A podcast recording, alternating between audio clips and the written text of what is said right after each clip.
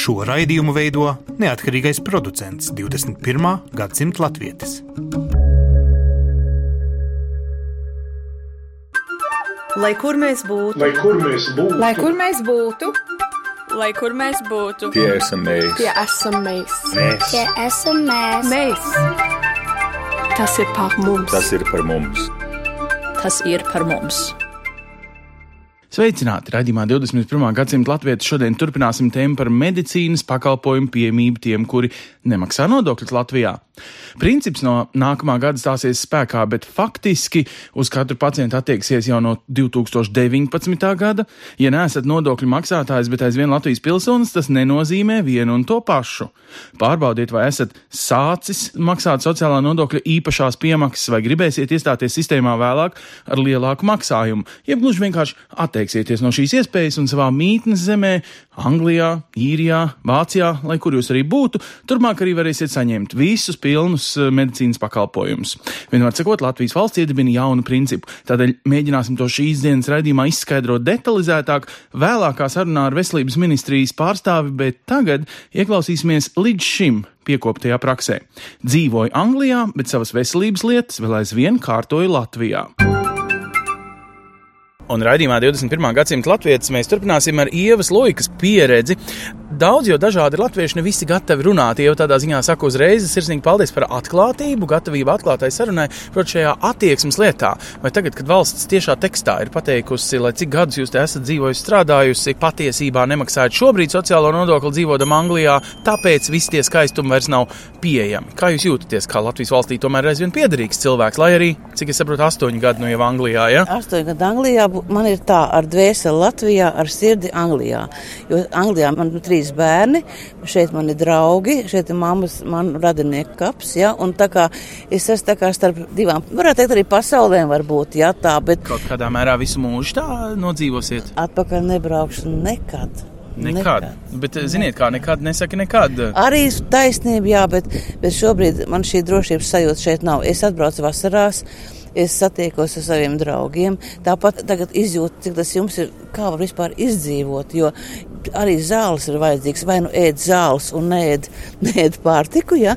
vai kaut kā Anglijā jūtos droši. Droši ap... Kas radīja jūs to drošības sajūtu? Varbūt tas ir tieši tāpēc, ka jūsu ģimene arī ir tur, un tad jūs esat droši. Šeit būtu, var teikt, vientuļi, jo tie bērni ir Anglijā. Nē, es pirmkārt nekad to ne, nepieļautu. Es vienmēr būšu tur, kur mani bērni. Ja?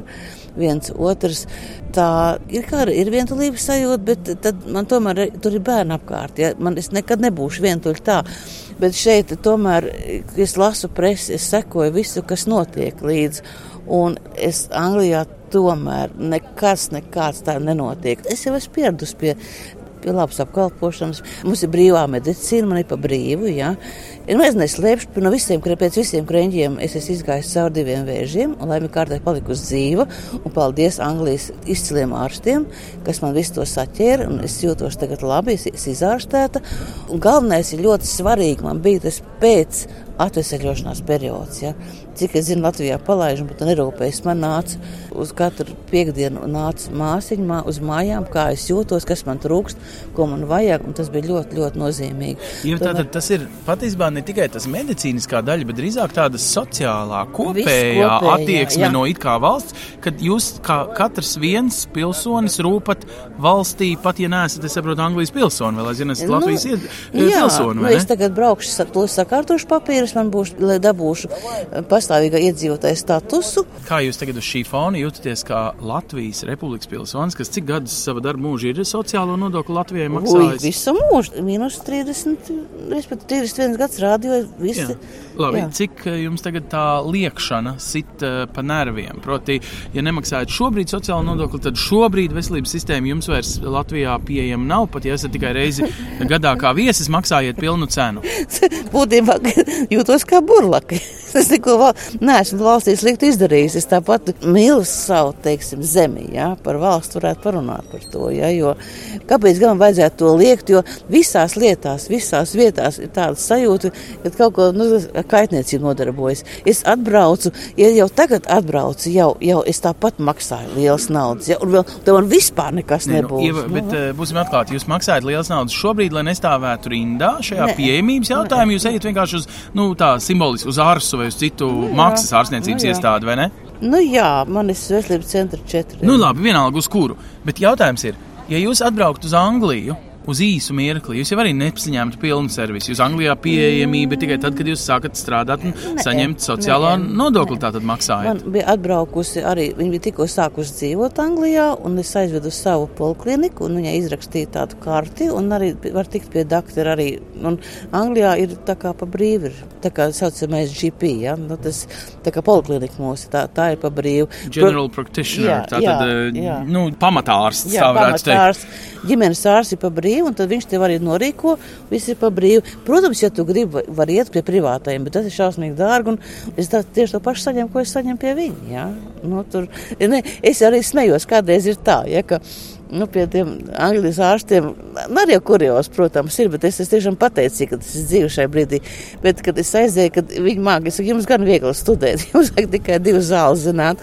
Paracetamol, kas ir pinkelis, un, un, un otru antibiotikas, amoxicilīdes. jums gan viegli studijas. Bet nu, tas, tas kādreiz tādu par pavelku uz zobu, viņi tāpat arī humoru labi saprota, mēs tā, tā, tā pasmējamies. Jā, tā. Labi, bet sakiet, tehniski. Nu, jūs um, taču varat maksāt kaut kādu salīdzinoši mazu summu par pieejamību arī šim veselības uh, sistēmai nākotnē, no nākamā Nu, gada. esat par to domājis? Kā, i- nu, tā Latvijā kā. Anglijā.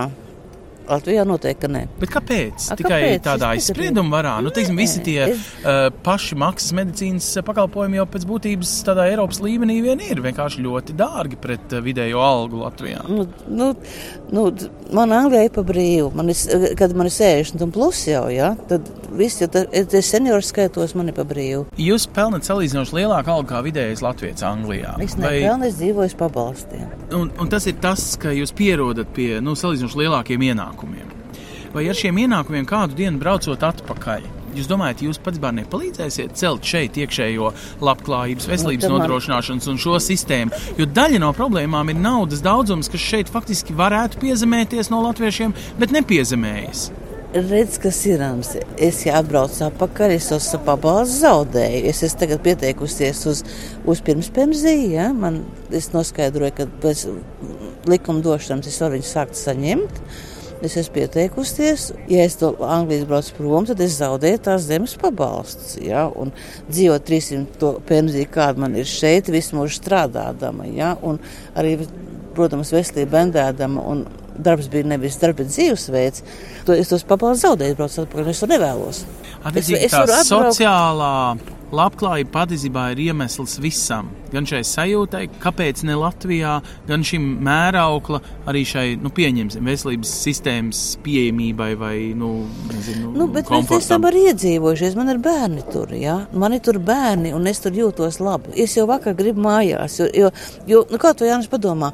Es Pagad, mājās tas ir Anglijā. Anglijā, jā, jo piecu gadu laikā es esmu iekārtojis savu iedzīvi, sadzīvi, ko es mūžu laikā šeit strādājot, neesmu varējis izdarīt. Nu, un par dzīvot uz pabalstiem. Ja? Nu, tad, nu, par ko es Nu, citi stāstu? teiks, hei, dzīvot uz pabalstiem ir nu, nekrietni, jo tie pabalsti faktiski ir britu pelnīti un jums samaksāti. Jā. Citi teiks, tas ir amorāli. Nē, tas nav amorāli. Man tas pienāks tāpēc, ka es esmu pēc trīs smagām operācijām. Tas savukārt disable. Jā, Nu, tas proti, tā kā, invaliditātes, in- eh, invaliditātes pabalsts, jā. pabalsts. un Arī, nu, padomā, es savos gados arī nevaru sevi izmainīt un iet kā tā tur rūpnīcā strādāt. Skaudrs stāsts no Ievas Luikas. Tā pašā laikā ļoti raksturīgi eh, stāsta par to, kāda ir Anglijā, Īrijā, citur Eiropā pārsvarā dzīvojošo Latvijas valsts piedarīgo attieksme pret veselības sistēmu šeit. Tagad kāda būs Latvijas valsts eh, attieksme pret, eh, nu, savas valsts piedarīgiem, bet neobligāti nodokļu maksātājiem turpmāk. Un raidījumā 21. gadsimta latvijas mēs runāsim par jaunu principu, ko daži var uztvert kā aizvainojošu, daži kā gluži loģisku, ko jāievieš varbūt bija jau sen. Proti, Latvijas valsts ar jauno veselības finansēšanas modeli, kas stāsies spēkā faktiski nevis no nākamā, bet aiznākamā gada, nu, ieviesīs principu, kurā, ja neesi nodokļu maksātājs, faktiski tev ir liektas diezgan daudzas, nu, vēl nedefinētas daudzas, vēl tiek spriestas, kuras eh, liektas, kuras pieejamas, tās veselības aizsardzības lietas, kuras līdz šim, nu, principā pat atbraucot sestdienas, svētdien vai uz ilgāku laiku ciemos no, piemēram, mītnes zemes Anglijā, varēja baudīt Anglijas latvietis eh, šeit, Latvijas veselības sistēmā. Anita Jurčevica ir veselības ministrijā atbildīgā par šī topošā likuma projekta lietu kārtību, bet skaidrs, ka to virzienu Anita laikam likums nemainīs. No kā dzimst šī ideja, jo nu, spriest par to tika jau pirms četriem, pieciem gadiem, beidzot tā teikt pieņemts. Jā, labdien! Jums taisnības spriest par to tika jau sen. Jau ilgu laiku ir diskusijas par nepieciešamību sasaistīt veselības aprūpes pakalpojumu saņemšanu ar nodokļu nomaksu, nodokļu nomaksu tieši Latvijā. Un, kā jūs zināt, jau četrus gadus atpakaļ jau bija pirmā ideja sasaistīt šo veselības aprūpas pakalpojumu saņemšanu ar iedzīvotāju ienākumu nodokli. Šobrīd, diemžēl, pirms četriem gadiem šis likums netika pieņemts. Bet šobrīd ir izstrādāts jauns likums, un jau šī gada vidū, precīzāk, jūlijā, Sēmi jau pieņēma pirmos grozījumus likumā par valsts sociālo apdrošināšanu, nosakot, ka darba ņēmēji un pašamdarbinātās personas, ka viņiem tiek palielināts valsts sociālās apdrošināšanas obligāto iemaksu maksājums par 1% punktu, un ka šis 1% punkts viņiem dod tiesības uz valsts apmaksātiem veselības aprūpas pakalpojumiem. Tātad, ja tu nemaksā nu, šajā valstī nodokļus, tu nevari dabūt, bet te vajadzētu nošķirt ļoti svarīgi, ja, piemēram, gadās ar ātro palīdzību kaut kur braukt, nu, kaut kāda trauma vai kas, tas jau liekts netiks. Vienalga, vai esi no Anglijas vai no Latvijas. Jā, tas, kas saglabājās, kas ir paredzēts arī šobrīd izstrādātajā likumprojektā, ir nodalīti trīs tādi loki. Pirmais ir neatliekamā medicīniskā palīdzība. Viņa ir pieejama visiem, neatkarīgi no nodokļu nomaksas, no nezinu, statusa personas, pilsonis, ārvalstnieks vai tam līdzīgi. Nu, Neatliekamā medicīniskā palīdzība mēs visi zinām, ka tas ir akūts stāvoklis. Otrs, kas ir eh, medicīniskās palīdzības minimums, kas tad tiek nodrošināts Latvijas pilsoņiem, nepilsoņiem, ārzemniekiem ar pastāvīgās uzturēšanas atļauju, principā tām personu kategorijām, kuras nav darba ņēmēji un pašnodarbinātās kurām nav paredzēts šis 1% maksājums pie sociālās apdrošināšanas. Tad, nu, būtībā tie, par kuriem valsts nosacīta kā ir samaksājusi, Jā, viņiem no. netiek liekts, jo viņi gluži vienkārši nav darba attiecībās. Jā, viņiem tiek nodrošināts šis minimums, kas ir neatliekamā dzemdības ģimenes ārsts, pat ja viņi nav darba attiecībās. Jā. Un Tad jau plašāks veselības aprūpas pakalpojumu lokus ir tām personām, kuras ir darba tiesiskajās attiecībās un maksā šo 1% nodokli. Viņiem tad tiek nodrošināts ne tikai tas neatliekamais, kas ir ģimenes ārsts vai mm, dzemdību palīdzība, bet viņiem jau tiek nodrošināts daudz plašāks pakalpojumu lokus. Nu, cilvēkam viss šis nepatīk, visdrīzāk teiks ārprāts, jūs man noņemat eh, manas cilvēktiesības. Cik daudz naudas budžetā jūs, prāt, var ietaupīt šādā veidā atskaitot, nu, ja mēs zinām, ka katrs, nu, kāds septītais, astotais latviečs nedzīvo Latvijā,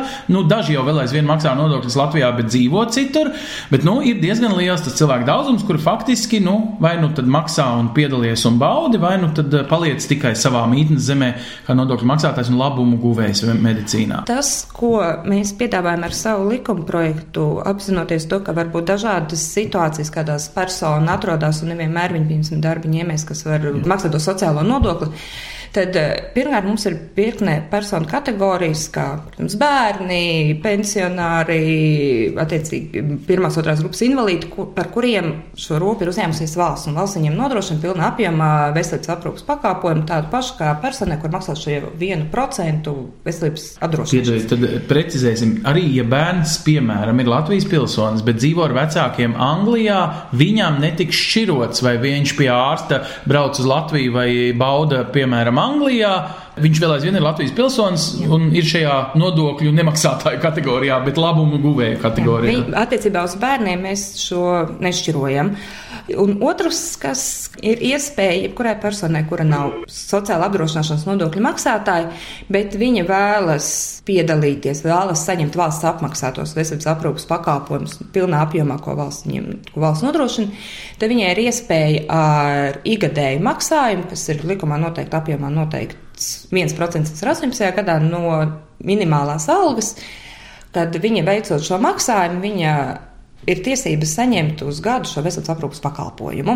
Nu, tātad 4,5 eiro mēnesī nākamgad jāsāk maksāt, Lai, lai, jā, lai 19. ga- no 19. gada 1. janvāra varētu saņemt uh, valsts apmaksāto veselības aprūpas pakalpojumu. Bet, ja viņi grib viņu saņemt arī 19. gadā, viņai arī 19. gadā, atkarībā, protams, kā pati persona vēlas, viņai arī 19. gadā ir vienreiz jāveic vienreizējs maksājums. 19. gadā tas ir 3% apmērā no minimālās algas, lai saņemtu atkal valsts apmaksāto veselības aprūpas pakalpojumu. Konkrētā gada ietvaros, tas ir 19. gada ietvaros, viņi taču veselības aprūpas pakalpojumu saņem. Tā tad, eh, nu, ziniet, piedodiet, man ir līdzība ar rīznieku karti. Uzlikām tik augstu cenu, rīznieku kartē ļāvām nerīzniekiem arī viņu nopirkt, reāli neviens nepirka. Vai jūs domājat, ka vispār cilvēki nopietni apsvērš šo iespēju, eh, ja jau es reiz maksāju Anglijā nodokļus un no Anglijas baudu visu šo labumu, ko tur medicīna var sniegt, tad kāpēc man vēl paralēli maksāt arī Latvijā droši paliek nedroši?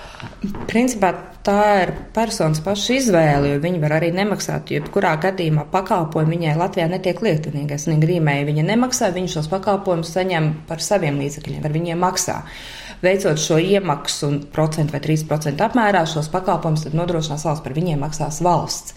Bet, protams, tā ir pašas personas izvēle, vai viņi vēlās vēl šeit veikt iemaksu Latvijā un saņemt arī Latvijas veselības aprūpas pakalpojumus valsts apmaksātos, vai viņi ir pilnīgi pietiekami ar Anglijas. Un... Nu, mēs nesauksim šos cilvēkus par līdzinējiem ļaunizmantotājiem, un tomēr kaut kādu aptuvenu summu taču var aplēst. Kāpēc eh, varējām desmit vairāk gadus nodzīvot realitātē, kur tiešām daudzi reāli dzīvo citur, bet labums gūst šeit?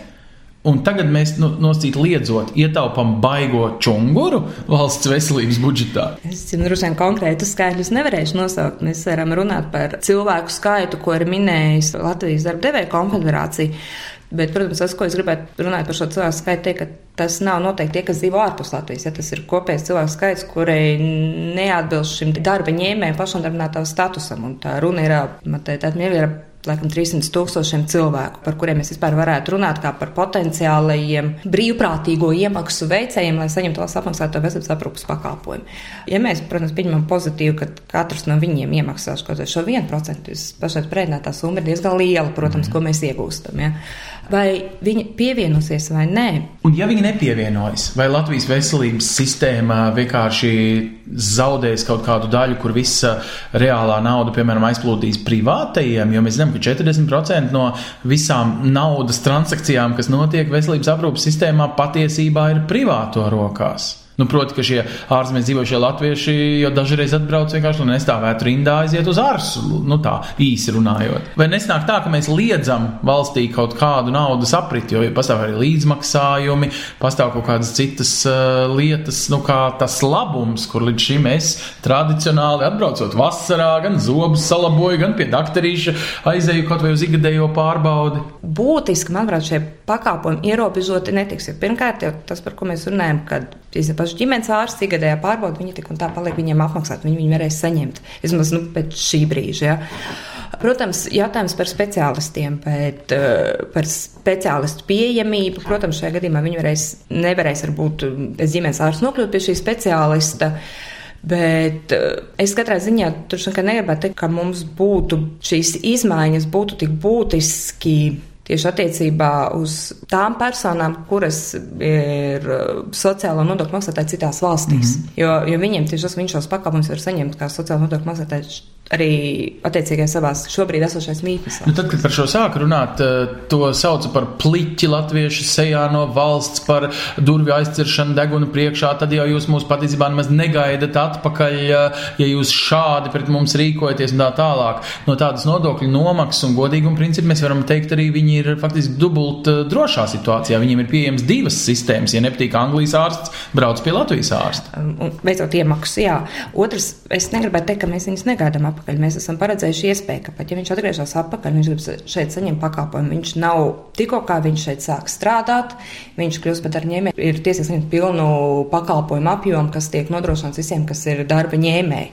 Ja ir kaut kāda iemesla pēc, ka viņš atbrauc, viņš sākotnēji reiz nezinu, nevar sākt strādāt, viņam atkal ir iespēja iet sistēmā ar šo vienreizējo maksājumu, un tikmēr, kamēr viņš iegūs šīs darba tiesiskās attiecības, saņemt tas aprūpas pakalpojumu valsts apmaksātot ar šo vienreizējo Bet maksājumu. cikot zem tiltiem cilvēki nemirst, tāpēc, ka sistēma viņus uh, nemīl. Noteikti nē.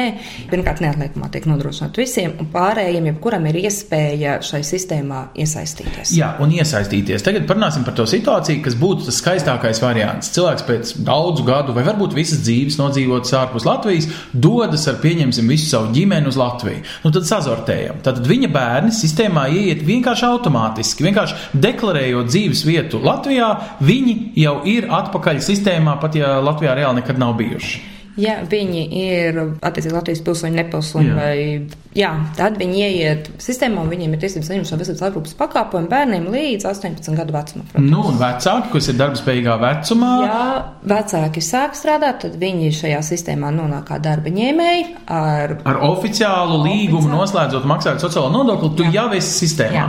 Jā, jau ar to brīdi, kā tu esi noslēdzis līgumu, kā darba devējs paziņojis ir par veiktajām valsts sociālās apdrošināšanas iemaksām, ar to brīdi viņš ir sistēmā, var saņemt šo veselības aprūpas pakalpojumu. Un, Tā tad ir vērts vienmēr, kā teikt, nu, kaut vai atgriežoties Latvijā, nemaz ne- ne ikdienā dzīvojot Latvijā, tiešām domāt par savu līgumu jau no pirmās darba dienas, nevis par aploksņa algu vai kaut kādu puslīgumu vai pārbaudas laiku vai vēl kaut kādām mistiskām konstrukcijām.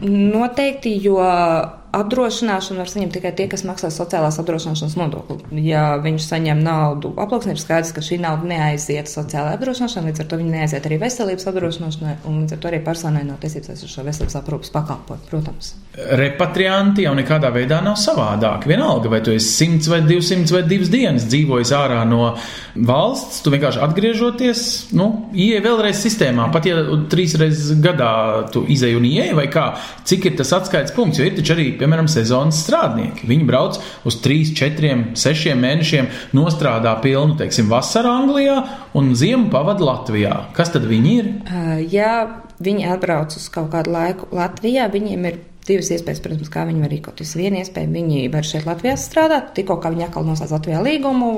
Ir darbtieskās attiecībās, viņi aiziet uz valsts sociālo apdrošināšanu un ir tiesīgi saņemt veselības aprūpas pakalpojumu.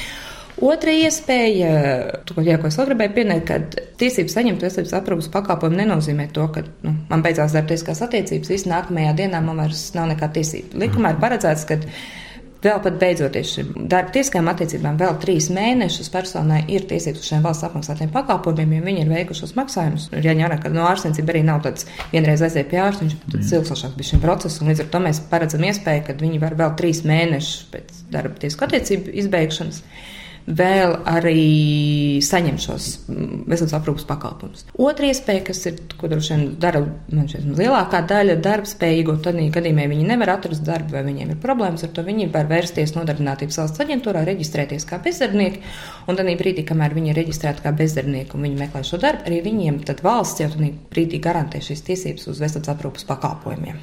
Nu, bet tad būtībā skaļos vārdos mēs sakām, ja tu nemaksā nodokļus, tu netiec pie tā labuma, bet pats mēs esam paredzējuši visus iespējamos nu, kā, tīklus, kas uztver tos, kuri krīt ārā no tipiskās sistēmas. Nu, vai mēs varētu tā teikt, ka tas pirmais kliedziens, jūs mūs nemīlat, mēs uzskatām to kā pliķi, patiesībā ir bijis labs šī likuma jutīguma izpratnē. Proti, ka visas situācijas tagad tiek nu, izanalizētas un neviens cilvēks sociāli atstumts no veselības sistēmas nebūs. Mūsu mērķis nav atstumt kādu no veselības pakalpojumu saņemšanas. Mūsu mērķis ir nodrošināt, lai tās personu grupas, kuras tiešām, kā es minēju, ir jutīgās vājākās grupas, kas ir vēlreiz pensionāri bērni mm. un invalīdi vai kas, lai viņiem tomēr būtu šī veselības aprūpas pakalpojums, lai mēs nepateiktu, ka ne tikai tāpēc, ka jūs kaut kam neatbilst, jūs neesat spējīgi sameklēt darbu, tāpēc jūs tagad veselības aprūpas pakalpojumu nesaņemat.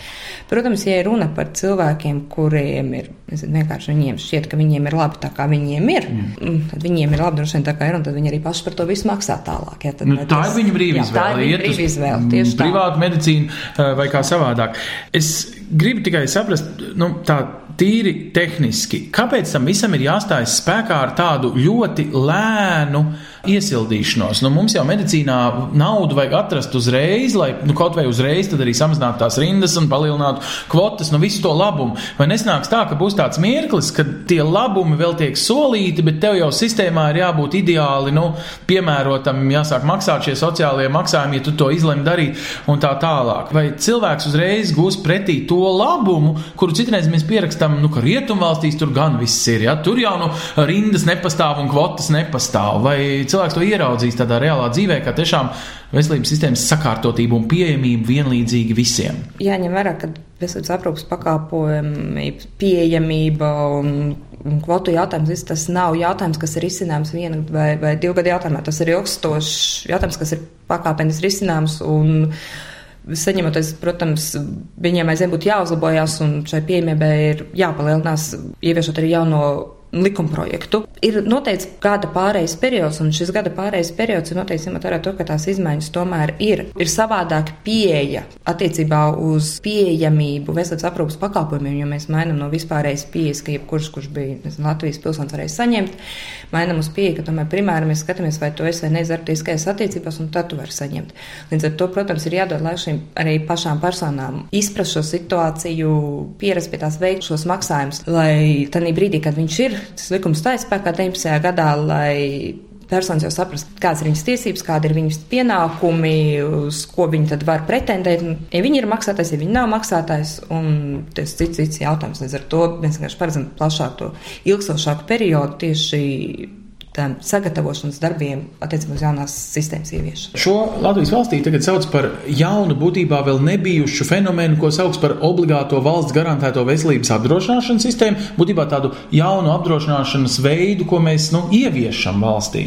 Mēs zinām, ka citās valstīs arī tādas sistēmas ir, un šur tur, piemēram, ir Eiropas Savienības direktīva, kas var sniegt pakalpojumu šeit, bet maksātājs faktiski ir citas valsts budžets, nu, kā klasiski Anglija. Kā jums liekas, vai valsts medicīnas iestāde šeit Latvijā tad varētu ar laiku apkalpot Anglijas latviešus, kas, piemēram, gribēs latviešu sarunāties ar savu ārstu. Nu, bet tieši nu, tas, ko līdz šim veiksmīgi dara privātās institūcijas, vai arī valsts eh, šīs nu, akciju sabiedrības vai pašvaldību eh, poliklīnikas vai kaut vai privāti ģimenes ārsti varētu vairāk nu, ielikt caur šo arī šajā domāšanā, ka nauda jau var glabāties ne tikai Latvijas budžetā, viņa var glabāties arī citos budžetos. Viss izšķir, cik foršs ir tavs ārsts Anglijā vai vēl foršāks Latvijā. Protams, principā jau šobrīd ir ar laika ir spēkā tā saucamā Eiropas Savienības direktīva, īsi nosaukta par pārobežu direktīvu. Mm -hmm tieši pārobežu veselības aprūpas direktīvu, kura regulē tieši šos jautājumus attiecībā uz iespējamu saņemt veselības aprūpas pakalpojumus ne tikai savā mītnes valstī, kur dzīvo, bet arī citās valstīs un attiecīgi kurš par šiem pakalpojumiem kurā brīdī maksā. Un te, protams, jau šobrīd ir iespēja, ka persona, kura šobrīd mītnes valsts, pieņemsim, ir tā pati Anglija. Mm kura tur strādā, kur Anglijā maksā nodokļus, kura ir uh, Anglijas sociālās apdrošināšanas sistēmā pēc šīs direktīvas, ka viņi jau šobrīd var braukt uz Latviju, saņemt veselības aprūpas pakāpojumu Latvijā, un par viņu tālāk par veselības aprūpas pakāpojumu Latvijā saņemt un norēķināsies jau attiecīgi Anglijas nezinu, nu, veselības, veselības finanšu departaments, jā, jā, jā, vai apdrošināšanas sabiedrība. Jā. Un uh, jūs paredzat, ka tajā prasmīgas būs nu, ar laiku visas medicīnas iestādes, jo nu, mēs taču dzīvojam 21. gadsimtā, kad katrs no mums var uz mirkli garāku, īsāku vai visu dzīvi nokļūt šajā dzīvoju faktiski divās valstīs. Nu, tad arī izdara divas dažādas izvēles atkarībā no tā, kas man izdevīgāk. Principā šī iespēja jau ir šobrīd. Arī šobrīd, mm. jebkur no ārstniecības iestādēm var sniegt šos pakalpojumus un attiecīgi jau par viņiem tiek samaksāts un atgūt atpakaļ šo naudu no ārvalstām veselības finanšu struktūrām. Mm -hmm. Tā kā es neredzu, kāpēc tas nevarētu attīstīties vēl plašāk. Protams. Mēs esam kaut kādi pirmrindnieki, nu, ņemot vērā, ka proporcionāli Latvijas iedzīvotāju skaitam diezgan liela ir ir tā daļa Latvijas pilsoņu, kas dzīvo ārpus valsts. Es varu iedomāties, ka Vācijā ne tik daudz proporcionāli vācieši dzīvo ārā no Vācijas. Cik es zinu, nē, šobrīd tā informācija ir, ka mēs īstenībā šobrīd esam vairāk tie, kas maksā par citām valstīm saņemtajiem veselības aprūpas pakalpojumiem. Tā proporcija, ko mēs paši saņemam atpakaļ no citām valstīm, ir salīdzinoši ļoti neliela.